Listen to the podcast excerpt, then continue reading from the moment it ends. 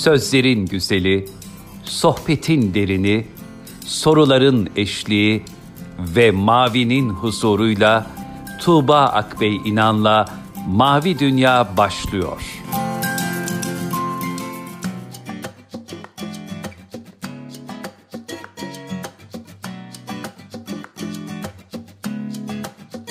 Merhaba sevgili dinleyenler. Tuğba Ak ve İnan'la Mavi Dünya'ya hoş geldiniz. Bugün yine çok kıymetli bir misafirimiz var. Yazar Özkan Öze bizimle birlikte. Hoş geldiniz programımıza. Hoş bulduk Tuğba Hanım. Yalnız hatırlıyor musunuz? Ben ilk canlı programına sizde e, Evet, evet. Mavi Dünya'ya katılmıştım. Evet, yine bir Mavi Dünya'da. Yine Mavi Dünya devam ediyor. Evet. Hatta e, ilk görüşmemizde bana e, o kitapları yazan birine hiç benzemiyorsunuz demiştiniz. Hatırlıyor musunuz? ben teşekkür teşekkür etmiştim çünkü bu benim için bir iltifat yani. Ben bunu iltifat olarak algıladım.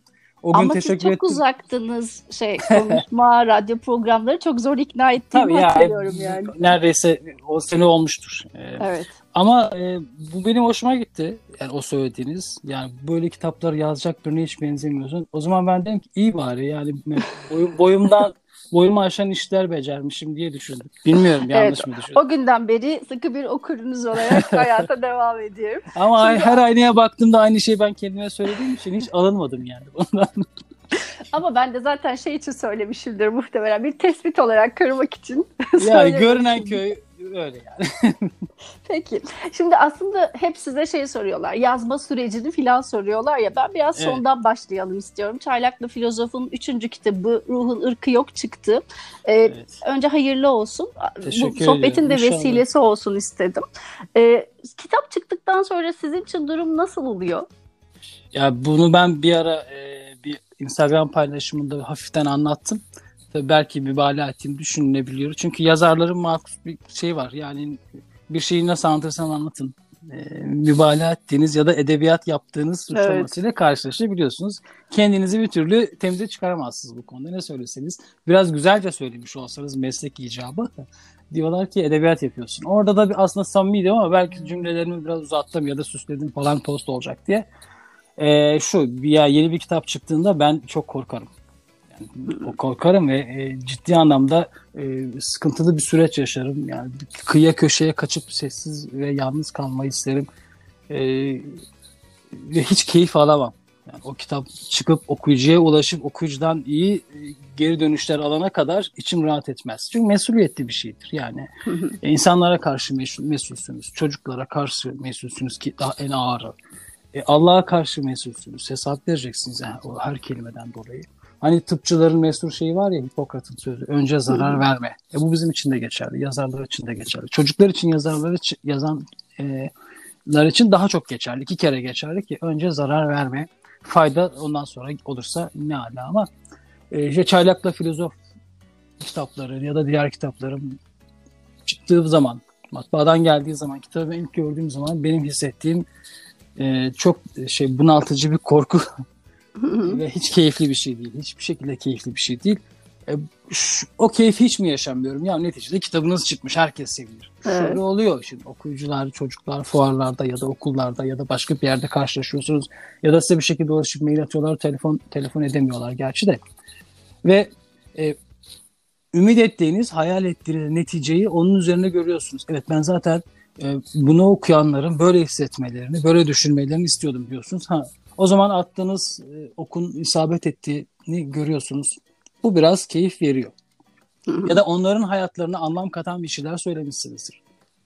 E, Bunu anlamak, e, bunu görmek e, insana biraz kendini iyi hissettiriyor. Ama biraz. En azından benim için böyle. bir sonraki kitaba kadar en azından. bir sonraki kitaba kadar bu idare ediyor. Evet, aynen.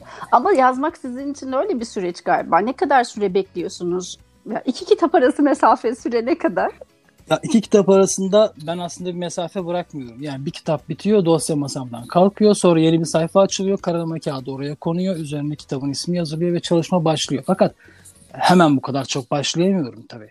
Bir de Özkan Özel bir kitap bitirmiş, Tarık Uslu başka bir işe başlayacaksa Özkan Özel'in Tarık Uslu olma süreci biraz uzun zaman alıyor. Aslında Tarık Uslu'nun Özkan Özel olması daha uzun zaman alıyor. Şimdi Çaylak'la Filozof e, Ruhun Irkı Yoktur gibi bir kitaptan çıktım ve şu acayip burunları yazmam gerekiyor şu an. E, bu süreç çok kolay olmayacak. Başladım ama sadece başladım yani. İlk yazıyı da yazdım ama öyle kaldı. Ee, Şimdi çaylak ve filozof demişken biraz o süreçten bahsedelim. Aslında diğer kitaplarınızdan e, başka bir yerde de bir taraftan duruyor. Çünkü e, hem yetişkinlere hem de çocuklara bu kadar direkt olarak hitap ettiğiniz ilk seri zannediyorum bu değil mi? Ya çaylak ve filozofta yaş grubu biraz daha yukarı çıktı. E, ergenler, gençler ve yetişkinler olarak e, hedefim onlar vardı. Yani bütün bütün bir çocuk kitabı olsun, çocuk kitabı gibi gözüksün istemedim. Fakat çocuklar okuduğunda da, onların anne babaları ya da öğretmenleri okuduğunda da bir şeyler e, anlasınlar, sevsinler, beğenerek okusunlar. Aslında bakarsan hani, bu çocuk kitabıdır, bu yetişkindir kitabıdır diye çok keskin bir ayrım yapmak özellikle çocuk kitapları için pek mümkün değil.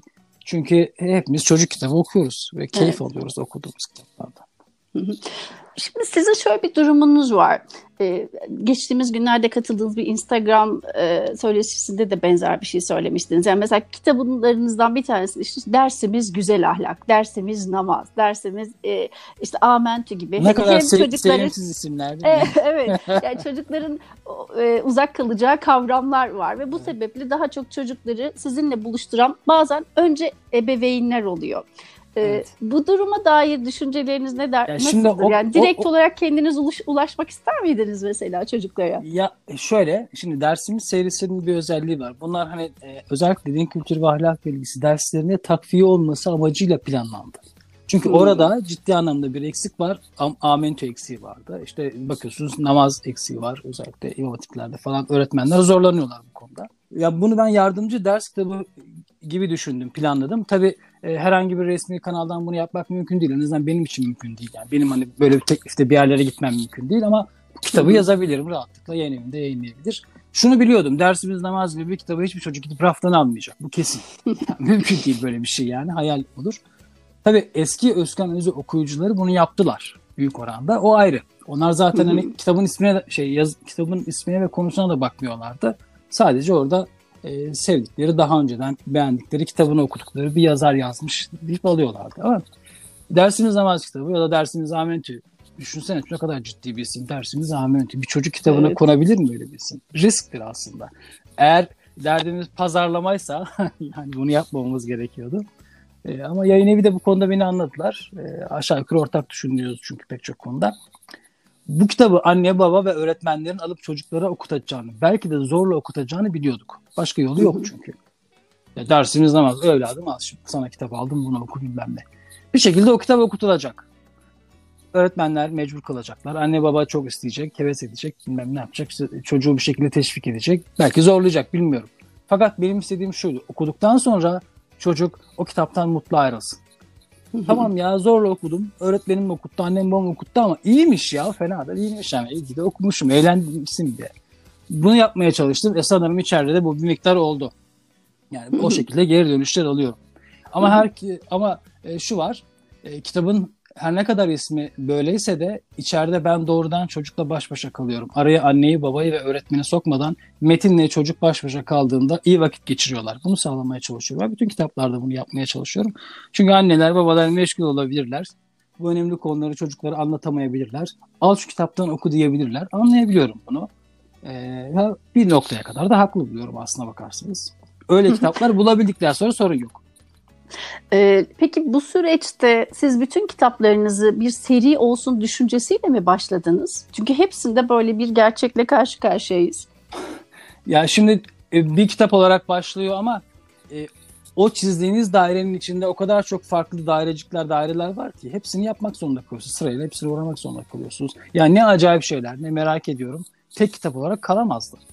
Ne de dersimiz serisi tek kitap olarak kalamazdı. Çaylak'la filozofu başladık ve e, en az 40 tane farklı madde çıktı ilk kitaptan sonra. Bu konsept içinde işlenebilecek ve işlenmesi gereken ve daha önce işlenmemiş ve eksik kalmış.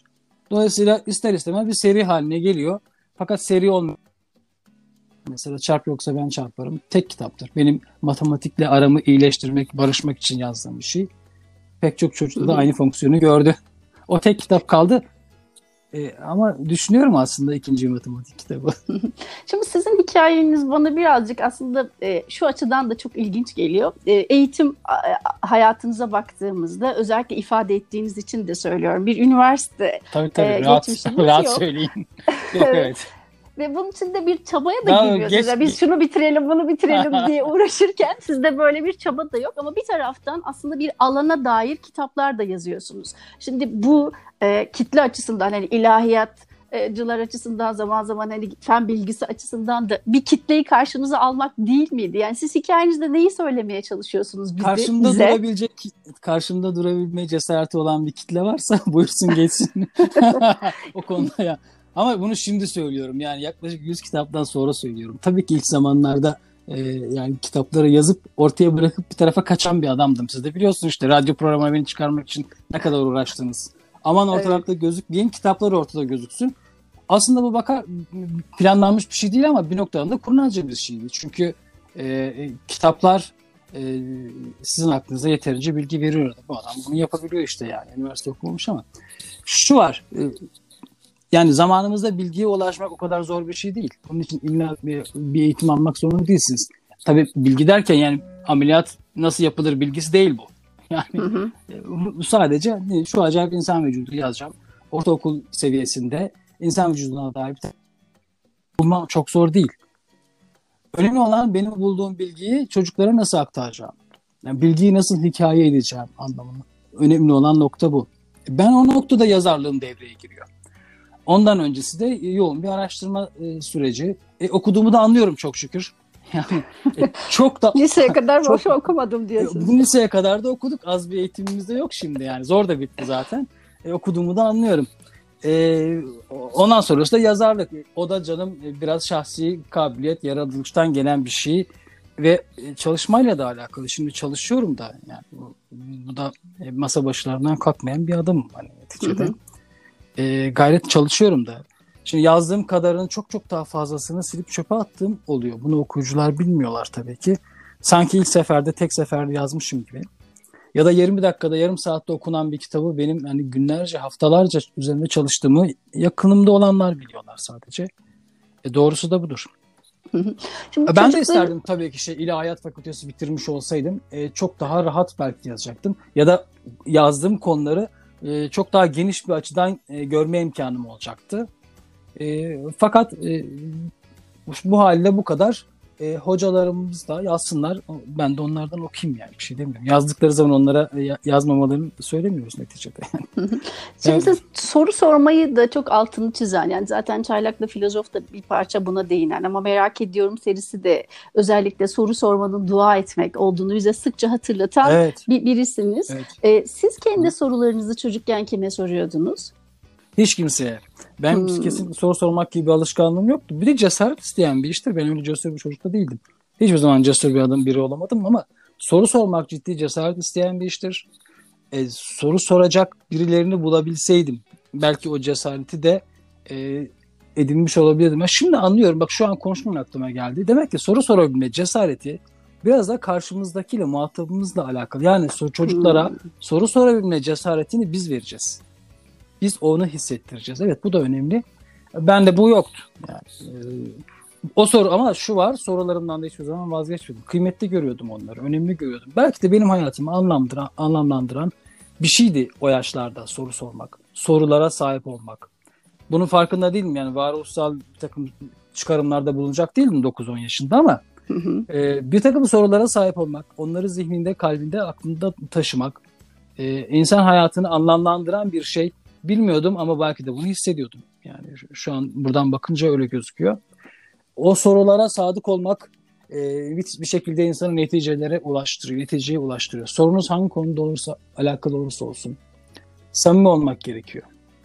Peki Özellikle... o zaman siz şöyle bir çocuk muydunuz? Yani böyle hani dışarıda hep kalan, aykırı duran ve işte bir yayın evine ya da bir dergiye işte bu çocuk uslansın diye götürülen çocuk muydunuz? Ya da açılsın, yok. bir sosyal ha, çevresi olsun hayır, hayır, diye. Yok, beni kimsenin elimden tutup bir yere götürdüğü falan yoktu. Sosyal çevre falan da yoktu. E tabii yani silik, soluk, ezik dışarıdan bakıldığında bundan hiçbir şey olmaz. Yani bu niye var ki? Bu niye var ki?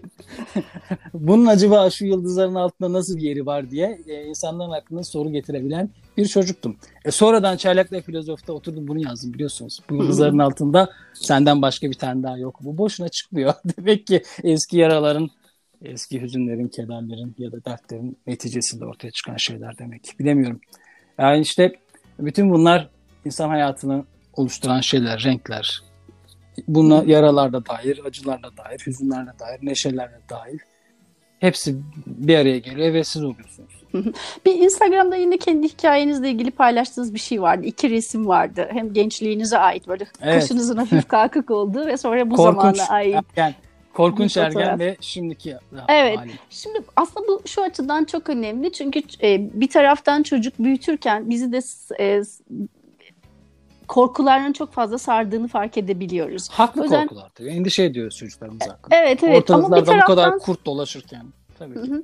Sizin hikayeniz bu açıdan bize ne söylemeli sizce? Yani korku- korkuları olan anne ve babalar için. Çünkü o hani kaşı kalkık genç belli ki aslında hayata, insana karşı bir taraftan da isyan e, duyan ya da Evet. işte kızan bir gençmiş ama sonrasında işte baktığımızda o gençleri anlayan, sorularla onlara e, yönelen bir abi, amcaya dönüşen Yani biri ge- oldu. geçtiği süreç e, onu empati e, yapmayı kolaylaştıracak bir kıvama ulaştırdı belki de. Yani iyi oldu. Yani e, şöyle birçok ço- çocuklarımıza bakışımız da önemli.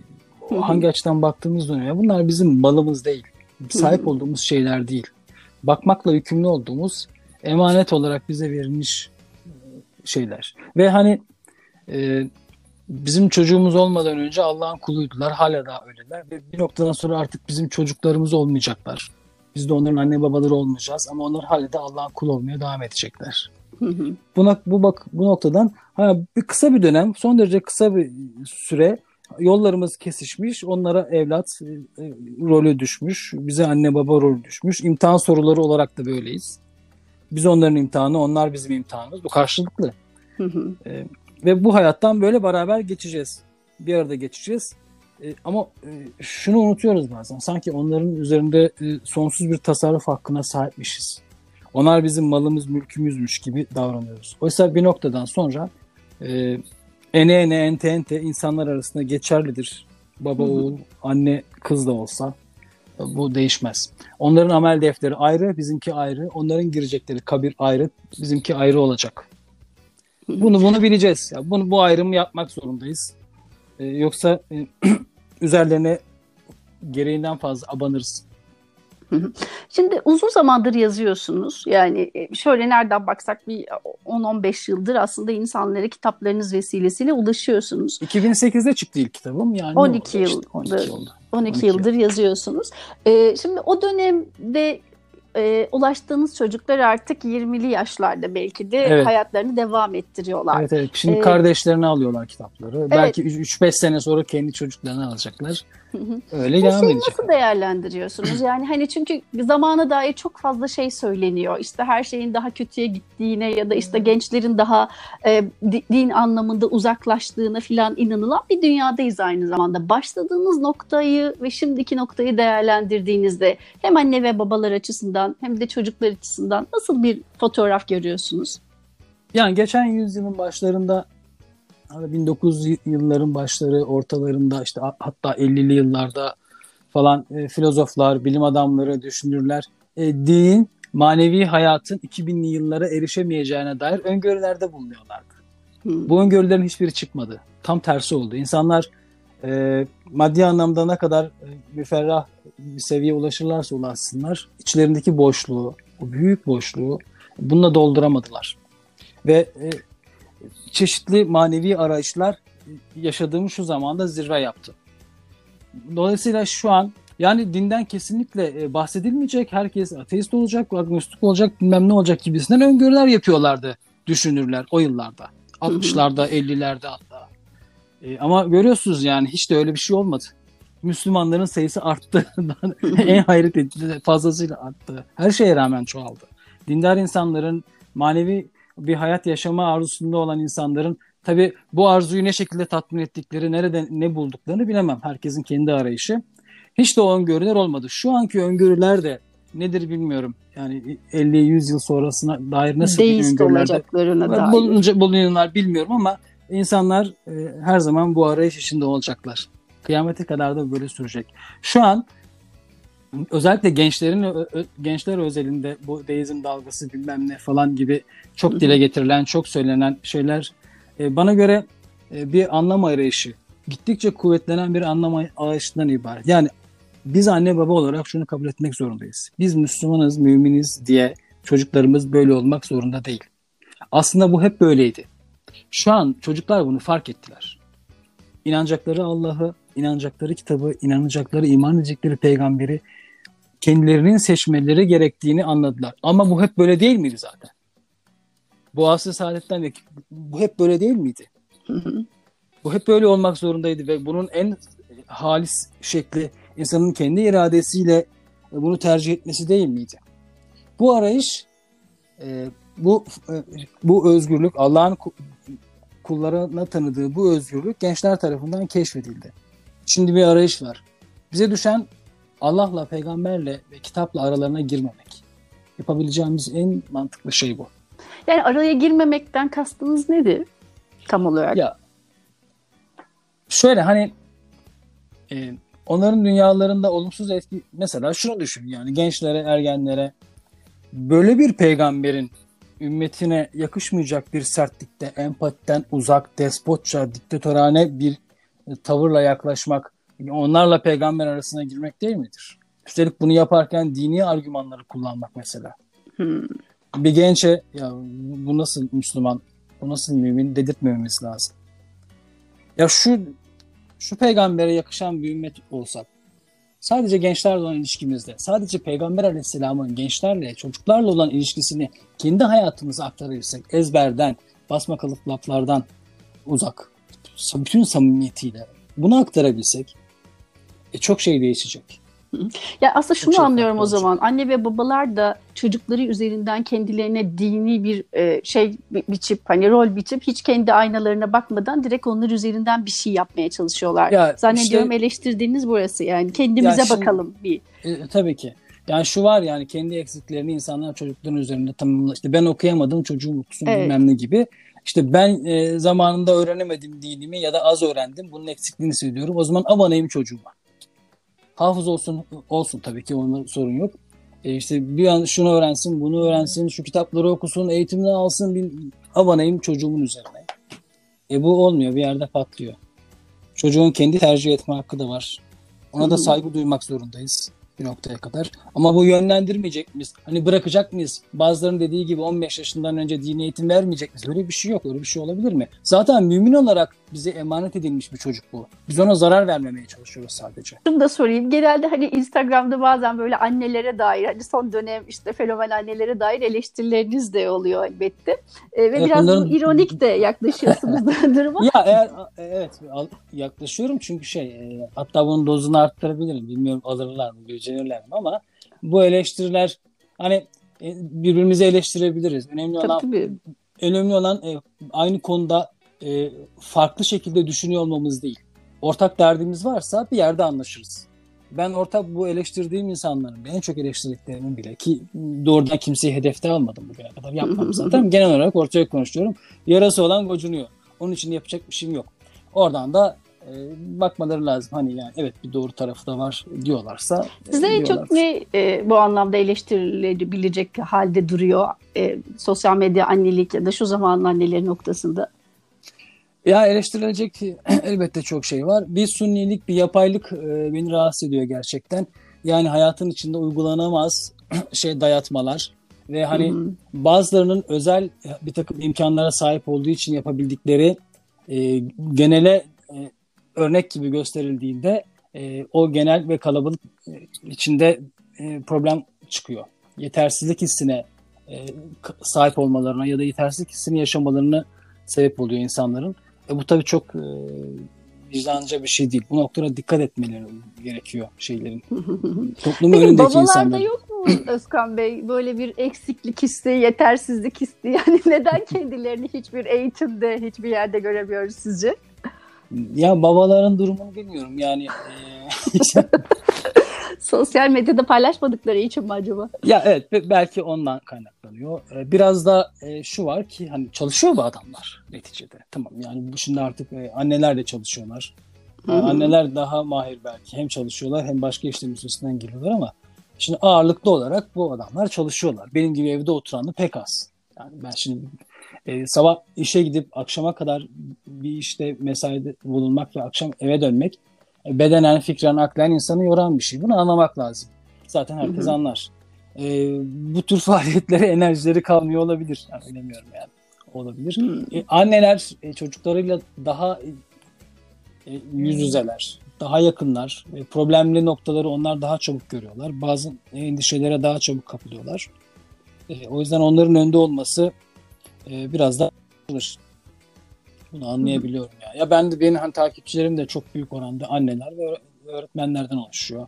Ee, evet. Ee, pek beyefendileri pek göremiyoruz ama zaman zaman onlar da ortaya çıkıyorlar. Hiç yok değiller yani. Belki uzaktan takip ediyorlar bilemiyorum.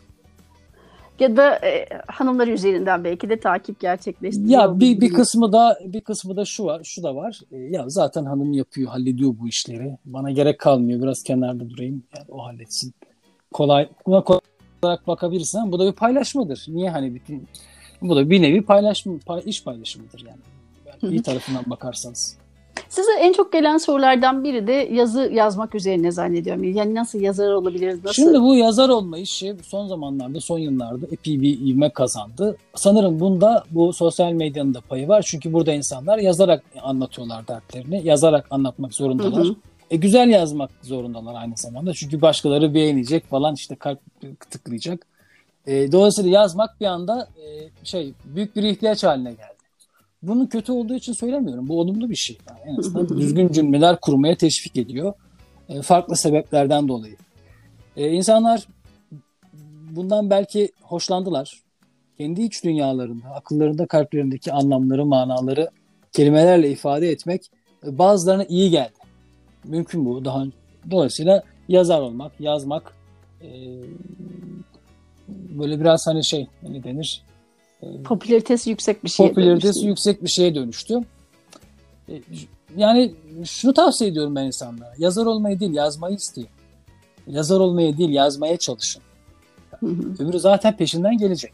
Fakat doğrudan hedefinizi yazar olmak diye koyarsanız e, bu sefer bir, büyük bir sıkıntı yaşarsınız ve yazmanın ruhuna ters bir şeydir. Hiçbir yazar yazar olmak için yazmaz. Yani yazar olmak için yazmak e, şey çok iyi bir hedef değil yani bu işlerle uğraşmak için. Şöhret olmak için yazabilirsiniz. Para kazanmak için yazabilirsiniz ki hiç tavsiye etmem. Başka bir derdiniz var ama illaki bir derdiniz olsun fakat derdiniz yazar olmak olmasın. Bu sefer e, çok içinden çıkılmaz e, çatmışık bir durumun içine düşmüş oluyorsunuz. Yani yazı yazıyla meşgul olsunlar insanlar elbette. Yani hedeflerine yazar olmayı koyarlarsa e, o zaman şey e, bir netice alabileceklerini düşünmüyorum. Ama yazma, yazmak ayrı bir şey. Yazmak Sizin meşgul. yazı serüveninize baktığımızda önce editör olarak yazı hayatına giriyorsunuz ve aslında şu ana kadar yaptığınız her şeyin sizin bir projeniz olduğu ve yazarlara lütfen yazın diye sunduğunuz projeler olduğunu söylemiştiniz. Evet tabii, tabii hem acayip şeyler hem merak ediyorum. Ee, bizim hani yayın evinde oturup konuştuğumuz ya böyle bir şey yapmak lazım. Bakın burada ciddi bir ihtiyaç var. İşte ne bileyim tevhidi omurgaya sahip bilim kitapları yok. Ya nasıl yok? Hepsi tercüme kitapların ateist adamlar yazmışlar. Yani çocuklar bunları ya, taş olacağız ya diye, diye gülerdik. Gülmezdik de endişe ederdik yani. E, ben uykumun kaçtığını iyi biliyorum yani ne yapacağız ne yapacağız e, nasıl olacak yani nasıl yapacağız kim yapacak bunu diye. İşte döndü dolaştı. E, o ilk oldu. nasıl oldu? Yani kimse yapmıyorsa ben yapayım hali ne zaman başladı ve nasıl yani oldu? Şöyle oldu o iş. Gerçekten hani yapacak kimseyi bulamayınca oturduk başladık bir şekilde. Fakat benim onun bir de mazim var. Yani popüler bilim yazma konusunda benim hiç farkında olmadan geçtiğim bir eğitim var. Zafer Dergisi'nin yazı işlerinde çalışırken e, Amerika'dan getirdiğimiz popüler bilim dergilerini ben İngilizce falan bilmediğim için e, arkadaşlara tercüme ettiriyordum. Yani biz tercüme ettiriyordum. Çocuklar işte onlar bize yardımcı oluyorlardı. E, tercüme ettiren o yazıları da ben daha sonra redakte ediyordum. Türkçe'de yeniden yazıyordum aslında. Bana bilgi lazımdı çünkü doğru bilgi. Fakat hep şunu fark ediyordum. Bu insanlar yani o yabancılar e, yani zürafalardan, hipopotamlardan, fillerden ya da işte ağaçlardan bahsettikleri yazılarında o bilgiyi bir hikaye formatından, hikayeden kastım böyle Ömer Seyfettin hikayesi falan gibi değil. Yani hı hı. okuyucunun hayalinde canlandırabileceği bir form içinde sunuyorlar. Mutfaktan yemek yaparken başlıyor hikayesini anlatmaya. Sonra Serengeti'deki zürafalara kadar gelebiliyor bir şekilde. İşte orada boynu tutulmuş bilmem ne falan derken zürafalara kadar işi getirebiliyor. Hayatın içinden örneklerle biraz da mizahla harmanlanmış bir dil kullanıyorlar. Bu dikkatimi çekmişti. Ve bununla o kadar çok karşılaştım ki. E, yani sonunda e, acayip şeyler yazmaya başladığımda da aynı popüler bilim dilini kullandım. Evet Hiç benim bir... de size sorma sebebim tam olarak burasıydı. Şimdi hatırladım. Çünkü çok esprili bir dille yazıyordunuz e, kitapta evet. yazarken ama sizinle görüştüğümde gayet ciddi biri vardı. Aradaki e, tezat zannediyorum tam olarak orasıydı. E, o meşhur oldu biliyorsunuz. Yani benim fuarlardaki e, suratsızlığımla kitapları eğlenceli ama kendisi hiç öyle değil. E, yani evet e, ama profesyonel bir iş yapıyorum ben masa başında. Yani yazıya oturduğunda başka biri oluyorsun. E, öyle olmak zorundasın. Şimdi acayip şeyleri yazarken başka biri olmak zorundasın. Şizofrenik bir durum tabii. Kolay değil. Yani hayatınızın e, konforunu da bozuyor bir noktada. E, bozuyor tabii ki. Yani e, siz yazıyorsunuz. Hayat yaşanayım, yaşanacak bir şey ama siz orada yazmak zorundasınız bir şeyleri. Hı hı. E olsun. Çocuklar için feda olsun. Ne diyeyim artık. Peki e, hep çocuklar için yazıyordunuz ama hüzünlü tebessümlerle yetişkinlere de bir kapı açtınız. Bundan sonrası içinde var mı? O kapıdan devam edecek misiniz? Yani şimdi e, Özgünözü.com'da e, şey bir blog açtım biliyorsunuz. Hı hı. Bazı denemeler yazıyorum. Fakat e, çok uzun süredir sadece çocuk muhataplarımı düşünerek yazı yazdığım için e, burada açıkçası biraz zorlanıyorum. Yani duygu aktarımında biraz zorlanıyorum e, anlatacağım konuyu e, sınırlarını belirlemekte ve metnin böyle eş merkezli örümcek ağ gibi gergin ki Adorno bu tabiri kullanır olması konusunda biraz zorlanıyorum. Ama çabalıyorum. Yani Biz daha korkutucu evet. mu duruyoruz yetişkinler olarak çocuklardan? Eleştiri, işte olmamış bu falan halinde yani daha Yok, mı bu artık, anlamda şeyiz? Artık eleştirel eleştirel kısmı artık dert etmiyorum. Beğenen beğenir, beğenmeyen beğenmez ama benim kendim hani muhataplarım yetişkin muhatapların duygu dünyasına hitap ederken e, orada e, e empati yaptığımda e, farklı neticeler e, geliyor dünyama. Yazdığım kelimelerin yankılanmasını e, tahlil ettiğimde zorlanıyorum. Yani yetişkinlere yazmak. Daha doğrusu şimdi çocuklara yazarken e, sınırlıyorsunuz kendinizi. Kelimeleriniz sınırlı, anlatacağınız mevzu konu sınırlı. O konuda aktarmanız gereken duygu sınırlı. Hı hı. Fakat yetişkinler olduğunda e, pergel biraz daha açılıyor. Daha farklı. Hatta o kadar açılıyor ki bir noktada e, hayır bunu anlatmamalıyım artık. Bu kadarını söyleyemem. Maalesef burada susmak durumundayım, zorundayım diyorsunuz. E, bu da işin ayrı bir zorluğu. Şunu da sorarak aslında sohbeti de bitirmek Bakın, isterim. Bakın bir şey söyleyeyim. şu, şu, şu cümleyi kullandım. Çabalıyorum dedim hala daha evet yetişkinler için e, ya da gençler için deneme yazarken deneme yaz, yazmaya çalışıyorum ve çabalıyorum. Aradığım sesi bulamadım diyorum. Bunu 100 kitap bu olan, yüz binlerce okuyucusu olan bir yazar olarak söylüyorum. Ben hala daha çabalıyorum. Yani kolay olmayacak. Yani yazmak isteyen, yazıya hevesleyen arkadaşlar. İşte burada ciddi bir çaba gerekiyor. yani oturayım masa başında e, ilham, ilham gelsin. gelsin. Öyle bir şey yok. Bunu daha önce de söyledim. İlham dediğimiz şey yağmur gibi.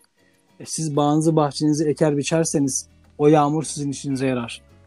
Ee, yoksa hiçbir işe yaramaz. Yani o güzel kitapların kendimkilerden bahsetmiyorum. büyük Onlar klasiklerden, dahil. büyük klasiklerden, büyük kitaplardan, herkesin beğenisini kazanmış, kendini ispatlamış kitaplardan bahsediyorum. Tamamının masa başlarında dirsek çürüşten e, oralarda ölen hatta yazarlar tarafından yazılması e, şey değil, tesadüf olamaz değil mi? Çaba gerektiriyor. E, şimdi şunu da sormak isterim. Siz de sosyal medyada işte okurlarla direkt olarak artık e, size geri bildirimleri olan bir platformdasınız. Geçtiğimiz günlerde hayli takipçisi olan hesabınızı bırakıp yeniden başa sardınız. Bu evet. e, ya oradaki değerlendirmeler ya da işte bu kitabı bir türlü sevmedim ya da çok güzel olmuş halinde iç dünyanızda nerede duruyor? De, neden gittiniz ve tekrar böyle yeniden başa sardınız? Hayır. Yani gitmemin sebebi şeyle e, takipçilerimle alakalı bir şey değil. Tamamen benim kendimle alakalı bir durumdu. Çaylakla filozofa başlamam gerekiyordu. E, kendi dünyamda yerinden oynayan bir şeyleri yerlerine yerleştirmem gerekiyordu. Ya da bazen insan yani şey e, gitmeniz gerektiğini hissedersiniz. Hı hı. Çeker gidersiniz. Yani yapabileceğiniz başka hiçbir şey yoktur. Gidersiniz. Sonra döner geri gelirsiniz ya da gelemezsiniz. İnsanın e, başını alıp gitmesi kolay. E, kalbinle beraber götürebilmesi biraz zordur. Sonra geri dönersiniz. Türlü sebepleri olabilir bunun. E, biraz yalnız kalmak istersiniz. Sıfırdan başlamak istersiniz. Ben mesela Çaylak'ta o, o gittiğim dönemde Çaylak'ta filozofa çok ciddi bir giriş yaptım ve kitap çok çok bitti. Yani o dönemde hani bir faydası da oldu. E biraz da e, gerçekten e, samimi okuyucularımı bir göreyim demiş de olabilirim. Hmm. Bakalım Kalanlar. Ha, ama asıl tabii birkaç sebepten bir tanesi de şu. E, kendimi bir sosyal medya fenomeni ya da olarak görmek istemiyorum. Ben bir yazarım. Hı hı. İşim yazarlık. Okuyucularımın da beni böyle görmesi gerekiyor. Ve hani oradaki takipçi sayısına sayısı da benim yazarlığımın seviyesini belirleyecek bir kriter değil. Orada 10 kişi olur, 100 kişi olur, 100 bin kişi olur, birkaç milyon kişi olur. Önemli değil. Önemli olan ortaya çıkan kitap, yazdığınız metnin insanların dünyasında nasıl bir karşılık bulduğu. Bu, bunu hem kendime hem de başkalarına ispat etmek için de o hesabı kapattım. Sonra yenisini açtım. Ee, böyle işte hayat yani. Benim de delilik yapma hakkım var ayrıca. Bir de bu var yani arada. Tabii. Ee, yani, peki bundan sonrası için e, yani bundan sonra hesabı hayal ettiğiniz bir şey var. Sosyal medya dışında yazı ile ilgili böyle oturup hayaller ya da projeler e, üretiyor musunuz? Ya, projeler var. Bir, bir, ya, bir yazar olarak artık benim hani kitaptan, metinden başka e, projeler üretmem biraz lüks. Yani benim bir kitap biter başkasına başlarım. İşte Çaylak Filozof'un 10 kitap olmasını istiyorum. Güzellik, çirkinlik, aşk, ölüm, hayat gibi çok ciddi konuları orada işlemek istiyorum. Yani ve bunun faydalı olmasını istiyorum. Acayip şeyleri 33 kitapta bitirmek istiyorum. Ee, ondan sonra e, başka projelerim var yapmak istediğim. E, yazmak istediğim, hayal ettiğim şeyler var. Bunların bir kısmı olacak, bir kısmı olmayacak. Olmamasının sebebi de hani benim hayatımda bir sınır olması e, neticede yetişmeyecek. Olduğu kadar artık yapacağız. Yani bütün hayallerim ve projelerim, daha doğrusu projelerim, hayallerim değil de yine kitap ve yazma üzerine. Hayalse onun sınırı yok. Orada çok şey var artık. Onların pek azı zaten burada gerçekleşecek. Artık ümidimiz ahirette, ahirette kalacak. Çünkü insan öyle bir mahluk ki şimdi düşünün. Hayatınız boyunca sahip olmak istediğiniz, sahip olmayı hayal ettiğiniz bir şeye hiç sahip olamadığınız halde kaybetmiş gibi acı çekebiliyorsunuz. Değişik bir mahluk. Dolayısıyla onun bu dünyada işi zor. Yani Allah yardım etsin hepimize. Amin, amin yani. inşallah. Çok teşekkür ederiz programımıza katıldığınız için. Ben teşekkür ederim. Ee, inşallah dinleyenler sıkılmamışlardır, sıkılmazlar. Henüz dinleyen olmadı, dinleyecekler e, kimseye zorla dinletmediğimiz için mesul değiliz. Değil mi? Evet kesinlikle. Kimseye e, aksine güzel geri bildirimler oluyor. Siz de bunları muhtemelen e, göreceksiniz programdan sonra. Çok teşekkürler. Kolaylıklar teşekkür diliyoruz ederim. bundan sonrası Sağ olun. için de. Sağ olun hepimize.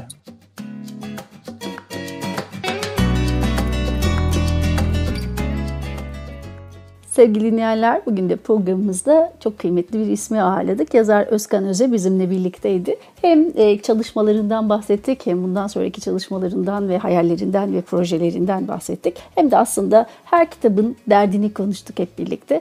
Instagram üzerinden Özkan Öze'ye ulaşabilirsiniz. Tuğbak ve İnan'la da Instagram'da beni ekleyerek geri bildirimlerinizi ulaştırabilirsiniz. Elbette programlarımızı da e, dinlemesini istediğiniz insanlarla paylaşırsanız çok mutlu olacağımızı söylemek isterim. Sonraki programda görüşünceye dek hepinize Allah'a emanet ediyoruz efendim. Hoşçakalın.